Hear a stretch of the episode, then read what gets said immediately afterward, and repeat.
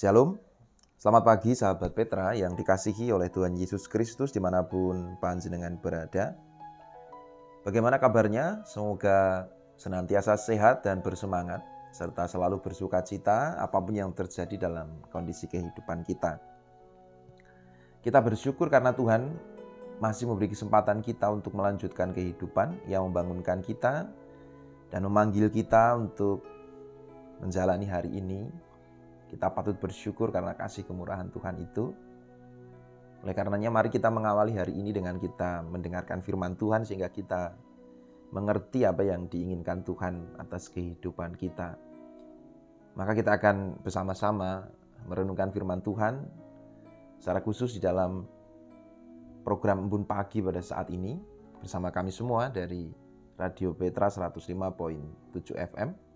Embun Pagi untuk edisi hari ini Sabtu 4 September 2021. Pada kesempatan kali ini saya Pendeta Eko Iswanto dari GKJ Medari Sleman akan mengantarkan ibu bapak, saudara-saudari, sahabat Petra di mana pun berada untuk merenungkan firman Tuhan pada hari ini. Oleh karena itu sebelum kita bersama-sama membaca firman Tuhan, mari kita berdoa memohon pertolongan Tuhan agar kita dimampukan mengerti apa yang Tuhan kehendaki. Mari kita berdoa, saya hantarkan.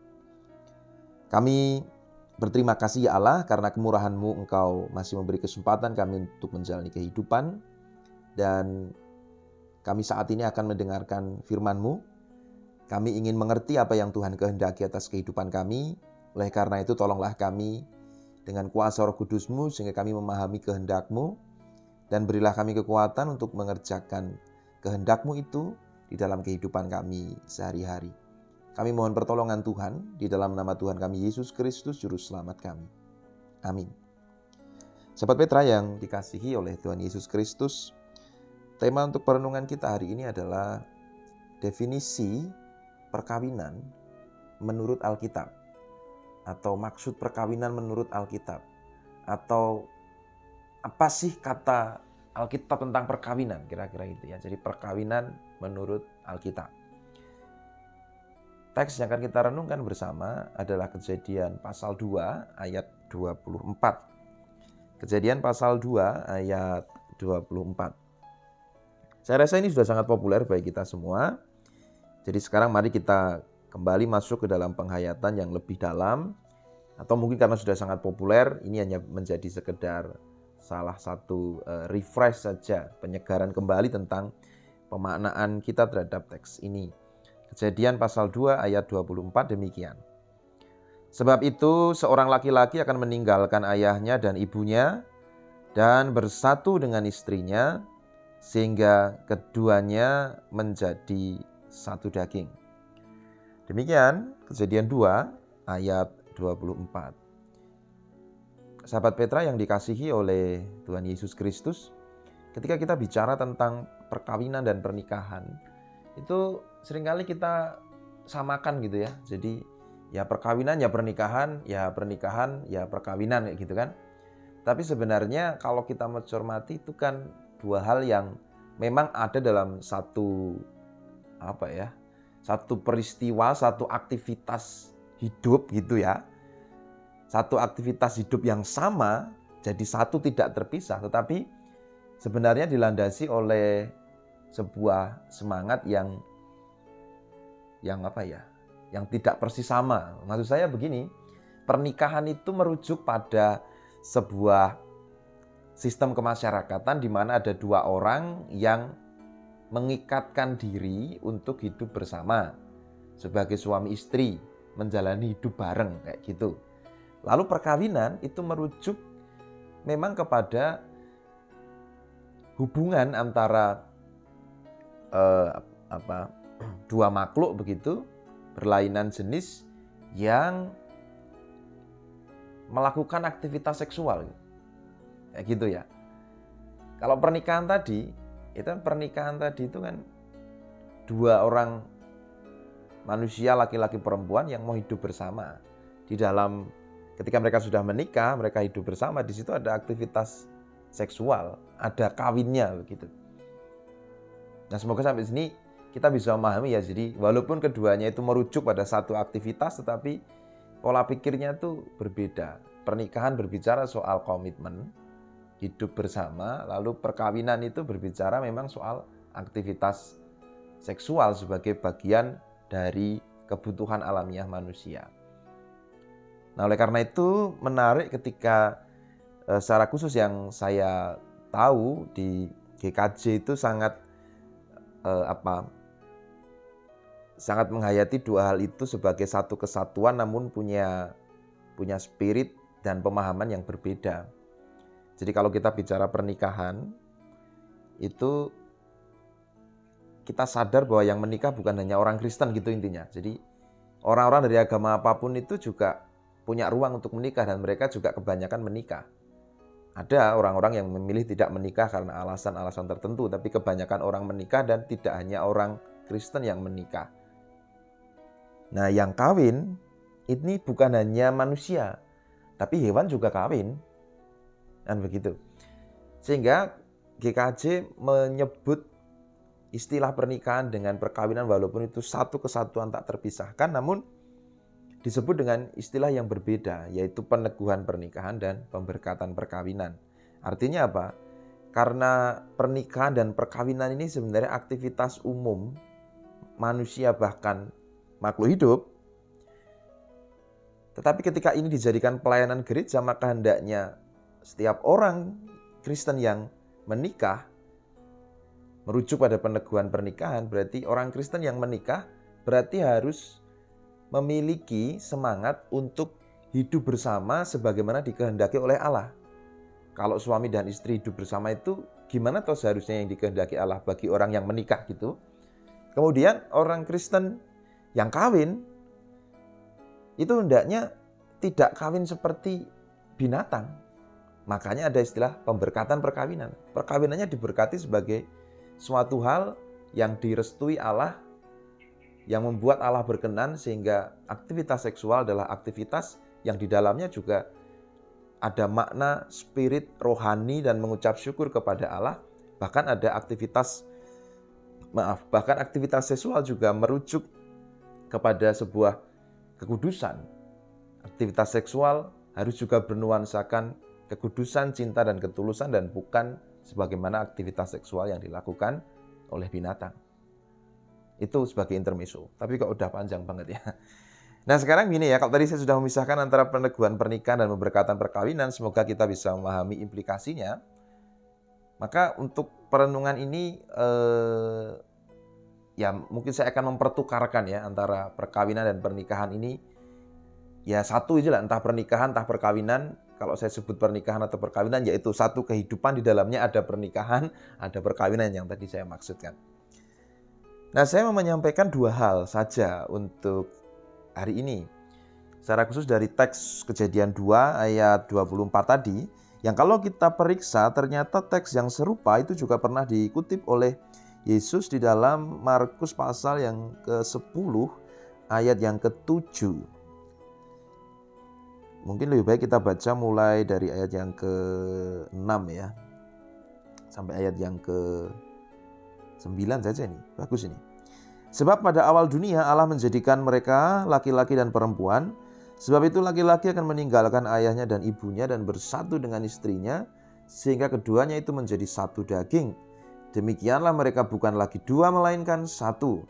Karena itu apa yang telah dipersatukan Allah tidak boleh diceraikan manusia. Nah, ini sebuah rumusan yang senantiasa kita dengar ketika ada peribadahan, eh, peneguhan pernikahan dan pemberkatan perkawinan atau apa pun lah istilahnya di gereja kita masing-masing. Nah, sahabat Petra yang dikasih Tuhan Yesus, saya mau menyampaikan dua hal. Yang pertama, bahwa pernikahan dan perkawinan itu dari firman Tuhan tadi membutuhkan satu hal yang paling penting yaitu komitmen. Jadi yang paling penting adalah komitmen. Komitmen untuk hidup bersama tentu saja. Jadi kalau di dalam pernikahan itu sudah tidak dilandasi dengan eh, komitmen, maka ada-ada saja masalahnya. Kalau ada istilah biyen katonopo, saiki katonopo gitu ya. Wah, kalau zaman dulu misalnya zaman masih pacaran atau uh, hendak menggebet gitu aja. Wah, itu sudah pasti segala sesuatunya diupayakan. Wah, lautanku seberangi, gunungku daki, wah apa pun hanya untukmu, semua aku berikan. Apa sih yang enggak untukmu sayang? Ihir, uwu, uwu. Itu ketika mau mendapatkan gitu ya. Ketika mau mendapatkan seseorang yang kita kita cintai, yang kita kasihi. Tetapi kemudian setelah hidup dalam pernikahan, apakah hal itu masih ada? Jadi komitmen untuk hidup dengan dia. Apa pun yang terjadi, aku akan hidup dengan dia. Apa pun yang terjadi, aku akan bersama dengan dia. Baik suka, duka, derita, kekecewaan, kebahagiaan, semua aku hadapi dengannya. Ini masih ada enggak? Gitu. Kalau ini tidak ada, pasti akan timbul banyak sekali masalah. Dan kalau ini tidak ada, maka hati-hati, kita harus pasang alarm terhadap pernikahan kita. Jangan-jangan di titik tertentu pernikahan kita akan menemui apa yang disebut mungkin titik krisis bahkan titik nadir lagi. Ada banyak-banyak sekali masalah macam-macam. Wah, dia begini, dia begitu. Wah, wow, wow, wow, wow, wow, wow. Tapi pada dasarnya kalau diperiksa lebih dalam, memang komitmennya sudah luntur. Dan orang sering membangun komitmen karena hanya membayangkan yang indah-indah, membayangkan yang asik-asik, membayangkan yang bahagia-bahagia saja namun tidak siap bahwa kemudian hidup pernikahan juga akan mengalami banyak hal yang tidak menyenangkan, pergumulan dan semua hal yang tidak mengenakkan. Lalu ketika itu terjadi yang tidak menyenangkan dan tidak mengenakkan itu maka komitmen yang dibangun hanya pada saat situasi menyenangkan dan membayangkan yang menyenangkan maka kemudian tidak bisa bertahan menghadapi situasi yang sebaliknya yang tidak menyenangkan dan yang tidak mengenakkan. Jadi Sekali lagi ini soal uh, komitmen ya. Mari kita periksa bagaimana komitmen dalam kehidupan pernikahan kita, dalam kehidupan perkawinan kita. Dan bukan tidak mungkin kalau ada persoalan dalam rumah tangga kita, masalahnya bisa macam-macam. Namun sebenarnya bisa diteliti lagi. Jangan-jangan karena komitmennya sudah luntur. Tanya pada hati kecil kita masing-masing, masih kuatkah komitmen itu? Dan saya yakin percaya kalau komitmen awal ketika kita menikah itu masih ada dan bisa kita bangkitkan kembali, bahkan bisa kita kobarkan kembali, maka komitmen itu yang akan menjadi solusi bagi kita untuk menghadapi semua persoalan-persoalan yang ada. Itu ya, saudara-saudari, sahabat Petra yang dikasih oleh Tuhan Kristus. Ini soal uh, komitmen. Itulah yang ditunjukkan tadi dari firman Tuhan bahwa seorang laki-laki akan meninggalkan ayahnya dan ibunya dan bersatu dengan istrinya sehingga keduanya menjadi satu daging. Itu artinya menjadi satu kehidupan.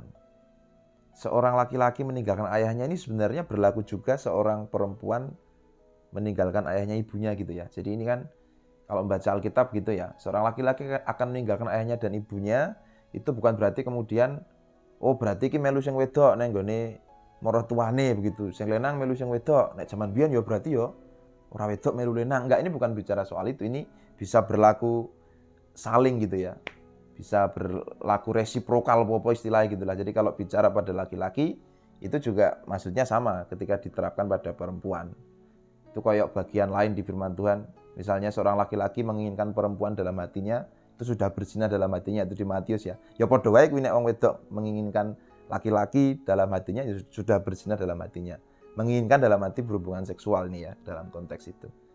Nah, eh, itu yang pertama tadi soal komitmen untuk hidup bersama. Seorang laki-laki yang meninggalkan ayah, ayahnya ibunya bersatu dengan istrinya berarti ada komitmen, ada tekad untuk hidup bersama dengan istrinya ini apa pun yang terjadi. Ini bisa implikasinya tidak lagi merepotkan orang tua, implikasinya bisa bisa kemudian apa pun yang terjadi aku harus mandiri dan seterusnya bisa ke situ. Tapi yang lebih penting lagi adalah ada komitmen. Jadi implikasi setelah komitmen itu, pelaksanaan komitmen itu bisa macam-macam, tapi komitmennya yang penting. Aku mau hidup dengan dia bersama-sama apa pun yang terjadi, apa pun kondisinya. Bahkan harus siap untuk meninggalkan kenyamanan, keamanan bersama dengan orang tua, jaminan bersama dengan orang tua untuk hidup bersama dengan suami dan istrinya menghadapi apa pun, membangun semua dari nol misalnya. Itu memang pernikahan tuh begitu. Nah, itu yang yang yang pertama tentang komitmen.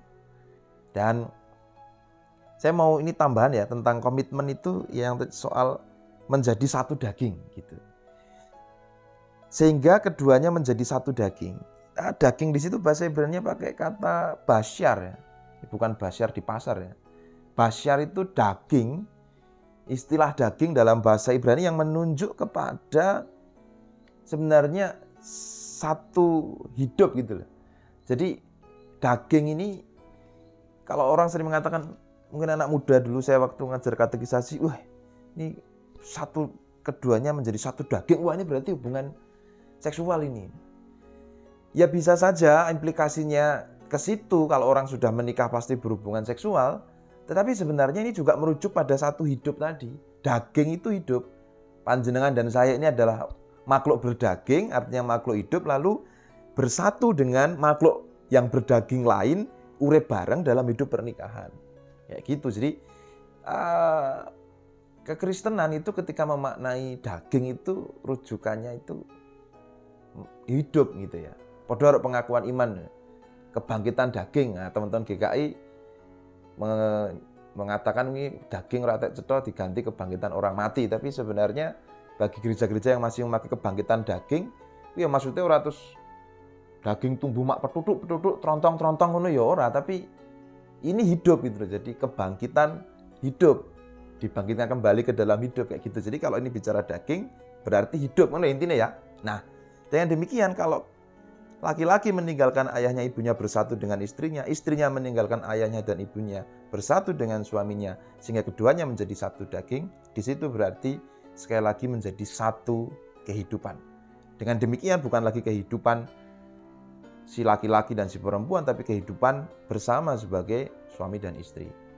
Nah ini yang kemudian perlu untuk senantiasa diingat bahwa komitmen untuk terus hidup bersama.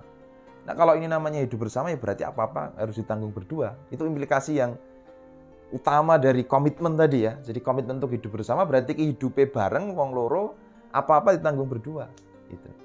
Tidak bisa lagi misalnya iki wah ini duitku, duitku ya duitku, duitmu, duitmu wis rada Cek rada mending gitu ning duitku, duitku, duitmu, duitku. Nah, ngono kuwi tambah Nah, tambah apa ya? Tidak lagi ada komitmen gitu ya. Jadi menangi dewe gitu. Kalau sekarang sudah tidak zaman lagi perempuan atau wanita di rumah saja, tapi dia mereka juga bekerja. Nah, laki-laki juga tidak zamannya kalau kemudian tidak mau mengerjakan pekerjaan rumah tangga misalnya. Wah, pembantu Pak Sugih, Pak. Ya karepmu nek sugih pembantu pembantu seket ora apa-apa, tapi Kan tidak semua seperti panjenengan yang pembantu ini seket. Oleh karena itu hidup bersama, golek duit bareng, noto rumah tangga bareng, menghadapi semuanya juga bareng. Ya, jadi gitu ya. Satu daging artinya satu hidup, sehingga pernikahan dan perkawinan mengajak orang untuk menjadi satu kehidupan. Kalau komitmen itu sudah luntur akan timbul banyak sekali masalah. Dan kalau kita mau ngudari semua persoalan itu ya kembali lagi ke komitmennya. Kalau komitmennya kuat, apa pun yang terjadi, koyok mbian zaman pacaran, zaman lagi are ento, itu bisa kembali dibangkitkan, maka semua masalah itu bisa dihadapi. Itu yang tadi soal komitmen. Gue jenengan ramumet nggih. Ya, gue muter-muter ngomong ini. Tadi satu soal komitmen. Kemudian yang kedua, tidak secara langsung dari teks ini sih. Tetapi kalau kita baca Alkitab secara keseluruhan, Perkawinan itu memang sering dipakai oleh Allah untuk menggambarkan relasi antara Allah dan manusia. Nah, ini menurut saya kita perlu uh, melihat kembali spirit dari pernikahan atau perkawinan, pernikahan dan perkawinan tadi bahwa di dalamnya ada komitmen tadi ada komitmen untuk apa pun yang terjadi, apa pun masalahnya, saya tetap bersama-sama dengan dia. Saya sudah berkomitmen untuk menjadi satu hidup dengan dia. Nah, dari pembelajaran tentang pernikahan itu, tentang perkawinan itu, kita bisa memperkuat kembali relasi kita dengan Allah yang sering digambarkan seperti relasi suami dan istri. Suami dan istri itu kan ya beda ya. Jadi suami istri itu memang beda. Suami punya karakter sendiri, istri punya karakter sendiri. Nah, yang berbeda itu kemudian hidup dalam satu rumah tangga di mana di dalamnya lalu ada perjuangan untuk bisa selaras. Nah, kalau ini digunakan sebagai gambaran untuk menunjukkan relasi antara Allah dan manusia, itu juga jelas antara manusia dan Allah itu juga jelas-jelas berbeda itu punya keinginan kehendak sendiri-sendiri yang berbeda. Kehendak dan keinginan Allah sering kali sangat berbeda dengan kehendak dan keinginan manusia. Apa yang baik menurut Allah bisa saja menjadi sesuatu yang tidak disukai oleh manusia. Namun karena keduanya sudah mengikatkan diri dan berkomitmen untuk hidup dalam relasi menjadi satu hidup, maka keduanya kemudian saling menyelaraskan diri. Manusia menyelaraskan diri dengan Allah. Dan jangan salah, Allah pun menyelaraskan diri dengan manusia. Loh, kan kita selalu diminta untuk mengikuti kehendak Tuhan, Pak. Kapan Tuhan mengikuti kehendak saya? Wah, loh katanya imbang dalam pernikahan. Wah, kita nggak sadar betapa Allah sudah sangat menyesuaikan diri dengan kita. Dia memahami kelemahan kita, dia menolong kita, dia menuntun kita, dia memberkati kita, dia memberikan apa yang kita perlu, bahkan sebelum kita memintanya, bahkan walaupun kita tidak sadar itu baik untuk kita, tapi Tuhan berikan kepada kita. Bahkan Allah sangat memahami kelemahan kita ketika dia menolong kita di dalam Kristus. Dan kalau kita masuk lebih dalam dalam relasi kita dengan Allah, kita akan merasakan betul bahwa Allah itu memahami betul kelemahan saya. Allah selalu memberi kesempatan pada saya. Allah selalu menopang saya. Allah tersenyum pada saya dan Allah terus membimbing saya. Allah mungkin suatu saat kecewa tapi dia tidak membuang saya. Uh, ini kan luar biasa. Nah, jadi itulah uh, ketika kita belajar tentang perkawinan, di situ kita juga belajar tentang bagaimana relasi antara Allah dan manusia. Dan kalau panjangan baca di bagian-bagian teks yang lain, relasi perkawinan ini sangat Eh, kuat dipakai oleh penulis-penulis Alkitab untuk menunjukkan relasi antara Allah dan manusia. Sehingga spirit di dalam perkawinan, sebagaimana dikehendaki oleh Alkitab, perkawinan yang kudus, yang setia, yang penuh dengan ketulusan, itu kiranya mengajarkan kita untuk juga bisa membangun dan memperdalam relasi kita dengan Allah. Jadi dua hal itu aja yang kita pelajari hari ini. Satu, pernikahan dan perkawinan yang adalah satu aktivitas itu merujuk pada sebuah komitmen. Jadi komitmen itu yang menjadi paling penting. Niat komitmen pokoknya piye no aku karo kowe mas, aku karo kowe dek dan seterusnya. Lalu bersama-sama dengan anak-anak yang dianugerahkan oleh Tuhan. Itu yang pertama. Jadi makna perkawinan dan pernikahan itu di situ.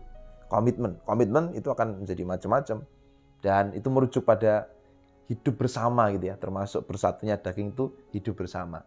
Uripe wong loro, uripe sak keluarga, sehingga apa pun yang terjadi harus ditanggung bersama. Nah kemudian dari situ kita belajar tentang bagaimana relasi kita dengan Allah. Allah selalu menyelaraskan diri dengan kita, maka kita juga diajak untuk bisa menyelaraskan diri dengan kehendak Allah. Oke, ngaten mawon, semoga ini bermanfaat untuk kita semuanya. Selamat memperdalam kembali panggilan untuk hidup di dalam pernikahan dan perkawinan, meneguhkan kembali, menyegarkan dan menguatkan kembali komitmen sehingga kita senantiasa bisa hidup sebagai orang-orang yang menikah dan yang seturut dengan kehendak Allah di dalam pernikahan dan perkawinan kita dan kiranya itu juga bisa mengantar kita secara pribadi untuk bisa terus memperdalam, membangun relasi kita dengan Allah sebagaimana juga ditunjukkan di dalam relasi perkawinan. Demikian yang bisa saya sampaikan. Ada kurangnya saya mohon maaf. Mari kita bersama-sama berdoa, bersyukur kepada Tuhan, dan mohon pertolongannya untuk melakukan firman-Nya dalam kehidupan kita sehari-hari. Mari kita berdoa. Kami bersyukur ya Allah karena Engkau telah memperkenankan kami belajar apa yang Engkau kehendaki dalam perkawinan dan pernikahan, maka biarlah kami boleh memperdalam komitmen kami untuk hidup bersama, menanggung semua hal persoalan, pergumulan dalam kehidupan perkawinan dan pernikahan kami. Dan biarlah itu juga boleh mengantar kami untuk terus memperdalam komitmen kami untuk hidup bersama-sama dengan Engkau sehingga Engkau Allah di dalam kami dan kami di dalam Engkau apa pun yang terjadi situasi dan persoalan semacam apa pun yang terjadi dalam kehidupan kami biarlah kami terus hidup di dalam Engkau Demikian ya Allah biarkan kami boleh mengerjakan firman dalam kehidupan kami sehari-hari, dalam kehidupan rumah tangga kami masing-masing, maupun juga dalam relasi kami dengan Engkau di dalam kehidupan kami keseharian. Kami bersyukur atas firman-Mu, berikan kami kemampuan untuk mengerjakan firman-Mu dalam kehidupan kami sehari-hari. Dalam kasih-Mu Kristus, kami berdoa, mohon berkat dan pertolongan-Mu. Amin. Demikian sahabat Petra yang dikasihi oleh Tuhan Yesus Kristus perenungan kita di dalam program Embun Pagi untuk edisi hari ini Sabtu 4 September 2021. Mohon maaf apabila saya dalam mengantarkan ada kekurangan, ada ketidakjelasan dalam saya menyampaikan. Sekali lagi mohon maaf apabila ada yang bermanfaat berguna semua dari Tuhan untuk menolong kehidupan kita. Demikian dan sampai bertemu kembali dalam program Embun Pagi edisi edisi berikutnya masih bersama dengan kami semua dari Radio Petra 105.7 FM. Saya Pendeta Eko Iswanto dari GKJ Sementari Sleman mohon pamit. Sampai ketemu lagi dan jangan lupa untuk mengasihi setiap orang yang kita jumpai dalam kehidupan kita. Tuhan Yesus memberkati. Amin.